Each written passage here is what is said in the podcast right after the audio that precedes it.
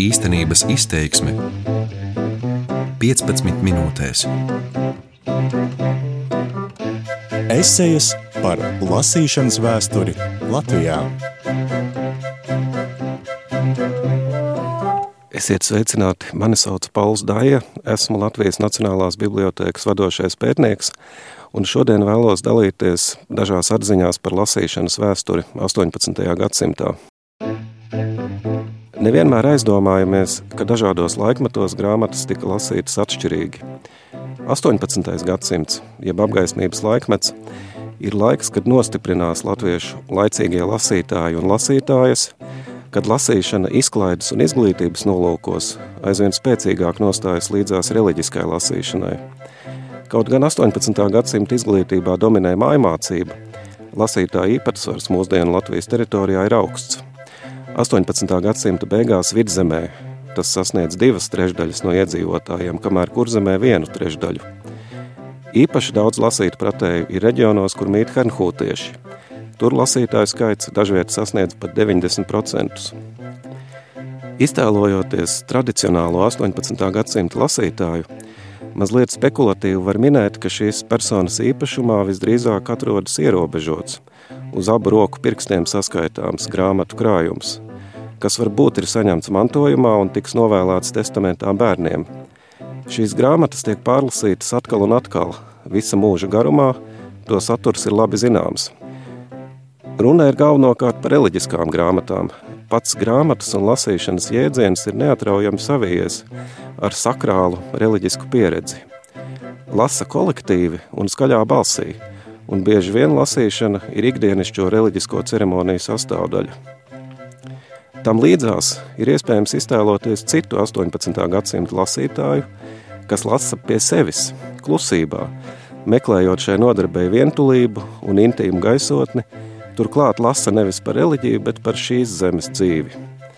Izlasot jaunu grāmatu, šis lasītājs vai lasītāji bieži vien pie tās vairs neatgriežas, bet jau meklē nākamo – lasīšanas paradumi kļūst aizvien dažādāki. Lasīts tiek ar aizrautību, un nereti pat kaisli, bet kaut kas ir mainījies. Šķiet, ka lasa vienkārši, lai īsinātu laiku. Lasīšana ir kļuvusi par pašmērķi, tai vairs nav tā reliģiskā vai utilitārā virsuzdevuma, kas attaisnotu to, ka brīvais laiks netiek veltīts kādai, varbūt pēc laika biedru domām lietderīgākai nodarbei. Šie ir divi 18. gadsimta lasītāju tipi, kas atbilst intensīvajai un ekstensīvajai lasīšanai. Pārēja no intensīvās uz ekstensīvo lasīšanu, kas norisinās 18. gadsimta pēdējās trijās desmitgadēs, pētījumos nereti tiek apzīmēta kā lasīšanas revolūcija. Tradicionālā lasītāja sabiedrība visa 18. gadsimta garumā turpina lasīt intensīvi un ceremoniāli, galvenokārt reliģiskus tekstus un laukos – Šāda veida lasīšana ir plaši izplatīta. Tikmēr jaunā sabiedrība, kas lasa ekstensīvi un meklē ar vien jaunas laicīga satura grāmatas, ir drīzāk meklējama vispirms starp pilsētu latviešiem, tad saimnieku kārtā un visbeidzot tajās ar zemes kopšanas darbiem nesaistītajās profesijās, ko varētu nosacīti dēvēt par lauku vidusšķiru. Par aizvien aktīvākiem lasītājiem kļūst amatnieki, dzirnavnieki, krodzinieki, muižu kalpotāji. Pārmaiņas lasīšanas paradumos, kas norisinās 18. gadsimta gaitā visās Baltijas kārtās, straujāk pilsētās un lēnāk laukos, var raksturot kā ekstensīvo lasīšanas paradumu izplatīšanos. Pilsētās lasīšanas paradumi ir kosmopolītiski, pateicoties Johana Friedricha Hartknoha grāmatveikalam Rīgā, kas dibināts 1767. gadā, Baltijā tiek plaši lasītas Eiropā iznākušās grāmatas dažādās valodās. Baltijas aristokrātijā ir izplatīta lasīšana franciski. Lasīšana svešvalodās ir izplatīta ne tikai mužnieku vidū. Piemēram, Garlības Merķelis savās atmiņās apraksta sastapšanos ar kādu Rīgas grāmatu iznomātāju, kura bibliotekā ir pieejami Žana Žaka Ruso darbi, daudzas franču un angļu autoru grāmatas – Vidusšķiras privātajos grāmatu krājumos aizvien lielāku vietu ieņem ceļojuma apraksti, grāmatas par dabas zinātnēm, geogrāfiju, vēsturisku personu dzīves stāsti un Eiropas galma dzīves apraksti, kā arī un galvenokārt daļliteratūra, īpaši romāni un lugas. Līdzās sava laika triviālajai literatūrai un 18. gadsimta vidus populārākā vācu rakstnieka Kristiāna Firktegota Gellerta grāmatām rīdzinieku grāmatplauktos 18. gadsimtā ir piemēram La Fontaine, Korneja, Moliēra, Voltēra, Lesinga, Gētes, Šekspīra darbi. 18. gadsimta otrajā pusē laika biedri atzīst, ka lasīšana Baltijā kļūst par vidusšķiras mīļāko nodarbi, pat par modes lietu. Tāpat kā citvieta Eiropā, arī Baltijā tā izplatās ārkārtīgi strauji. Dažviet ir lasāmas liecības, ka pateicoties lasīšanai, laukos ir sastopami tik zinoši cilvēki, it kā viņi dzīvotu Berlīnē. Turklāt pilsētu un lauku sabiedrībām visur Eiropā arī pie mums ir raksturīga grāmatu kolektīva lasīšana. Laukos kopīga lasīšana ļauj grāmatai veltīto laiku apvienot ar ikdienas darbu darīšanu, piemēram, ziemas vakaros, taču tā ir vēl kāda funkcija. Lasīšana 18. gadsimtā ir kļuvusi par socializēšanās veidu, par iespēju tuvināties ar citiem un pavadīt laiku kopā.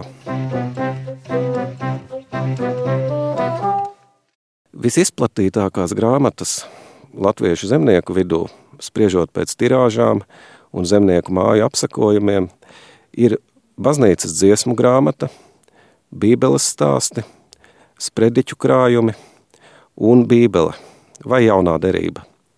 Piemēram, 18. gadsimta 70. un 80. gados ārējušu draudzē uz 161 māju ir 163 bībeles, 436 dziesmu grāmatas un viena sprediķu grāmata. Savukārt Masalacas draudzē uz 350 mājām 655 dziesmu grāmatas, 98 bībeles, divi bībeles stāsti. Šāds un līdzīgs grāmatu saturs liecina par to, ka lasīts tiek pamatā skaļi un ceremoniāli. Taču līdzās tām aizvien vairāk tiek lasītas arī laicīgās apgaismības grāmatas, no kurām vislielāko popularitāti strauji iegūst vecā stendera darbi. 1773. gadā kurzemes mācītājs Johans Friedrichs Kazimirs Rozenbergers Šādi attēlo ainu ar daudzveidīgajām lasīšanas funkcijām zemnieku sētā. Es citēju: Visu pirmāk, kad tie pātari pulkā jau noturēti, vectēvs caur vēl īpašu karstu un slepenu dieva pielūgšanu un caur klusu lasīšanu iekš bībeles savai pašai dvēselai izstiekās. To darīs, viņš aicina tos lielākus bērnus pie seviem klāt, un uzdod tiem kādu gabalu iekš stendera stāstu bībeles. To apdomīgi daudz reiz priekš sev pašiem pārlasīt un prātā iekulties.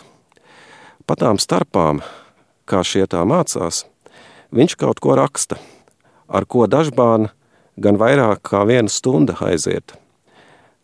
Tad viņš tos mazākus bērnus liek atnākt, arī ar savām grāmatām rokā – kas nu priekš citiem apdomīgs un čakls iekš savas mācīšanās bijis, tam pašam viņš kā par atmaksāšanu, ko dod rakstīt, un tam to rādīdams ierāda, un pēc, uz vakaru, iekš tām dīvainām pasakām un stāstiem, ko tas pats cienīgs stendera mācītājs izdevis, ļauj priekšā lasīt.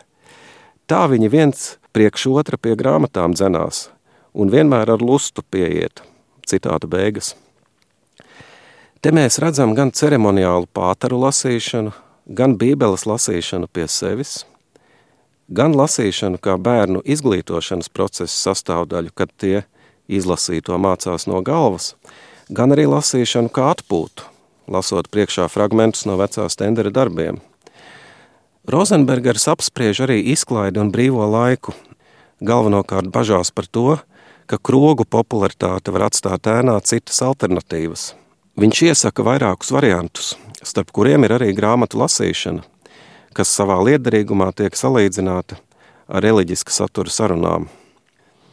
Mēs te redzam arī to, ka klusā lasīšana nenomaina skaļo, tāpat kā ekstensīvā nenomaina intensīvo, bet visas lasīšanas prakses turpina sadzīvot cita citai līdzās, veidojot aizvien daudzveidīgāku un piesātinātāku lasīšanas pieredzi. No atsevišķiem grāmatniekiem, arī bībelniekiem, 18. gadsimta gaidā veidojas aizvien plašāks loks ar aktīviem lasītājiem, kuru ikdienas dzīvē lasīšana kļūst par aizvien regulārāku nodarbošanos. Lasīto grāmatu loks paplašinās, lasīšanas paradumi kļūst arvien sazarotāki, norisinās pārēja no mehāniskas lasīšanas uz aktīvu, personiski motivētu lasīšanu.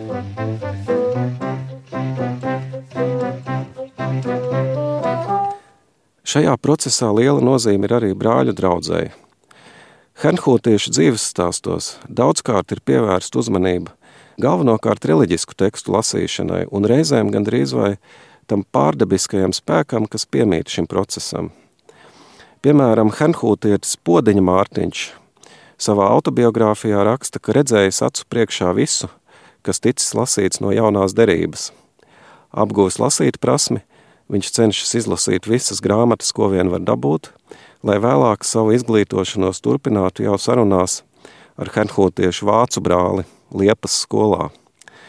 Virkne brāļu draudzes reliģiskās prakses īpatnību padara rakstīšanu un lasīšanu par daudz ciešāk iekausētu draudzes locekļu ikdienas dzīvē, nekā tas varbūt ir oficiālajā baznīcā. Vispirms jau tāpēc, ka brāļu draudzē daudzus pienākumus uzņemas paši draudzes locekļi. Tieši brāļu draudzē lasīšana un rakstīšana ved pie konsolidācijas, pašapziņas pieauguma, pamatiem nacionālajai atmodai.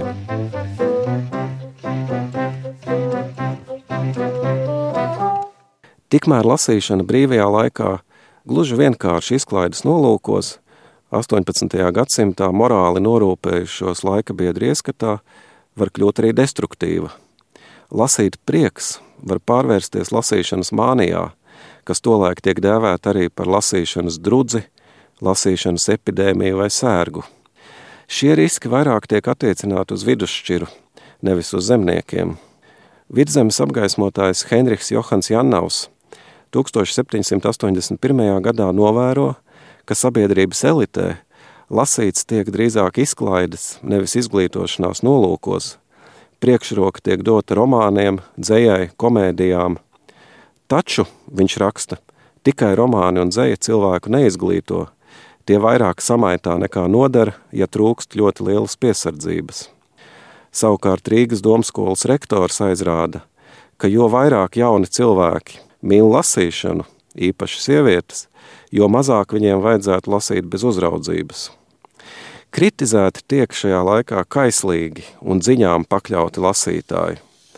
Runas par pašnāvību vilni Gētas Vertera iespaidā ir tikai viena galējība, bet nekontrolēta, neuzmanīga lasīšana dažu laika biedri ieskatā var vest arī pat pie dažādām saslimšanām – sākot ar redzes pasliktināšanos, galvas sāpēm, nervozitāti, hipohondriju un melanholiju, un beidzot ar podagru, astrītu, astmu, plaušu slimībām, gremošanas traucējumiem un tā tālāk.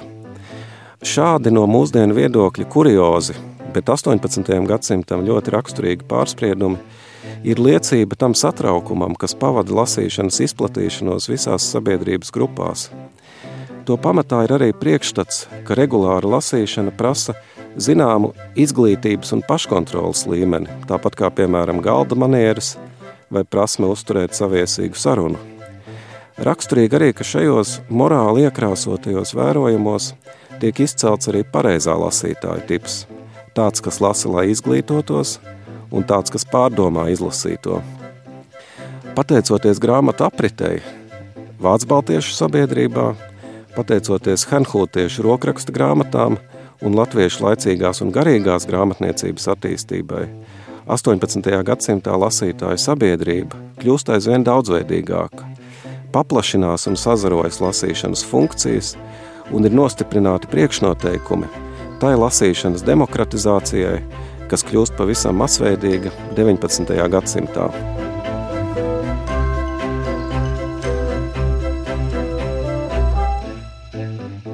Studijā bija un iespaidos par lasīšanas vēsturi 18. gadsimtā dalījās literatūra zinātnieks Pauls Daja.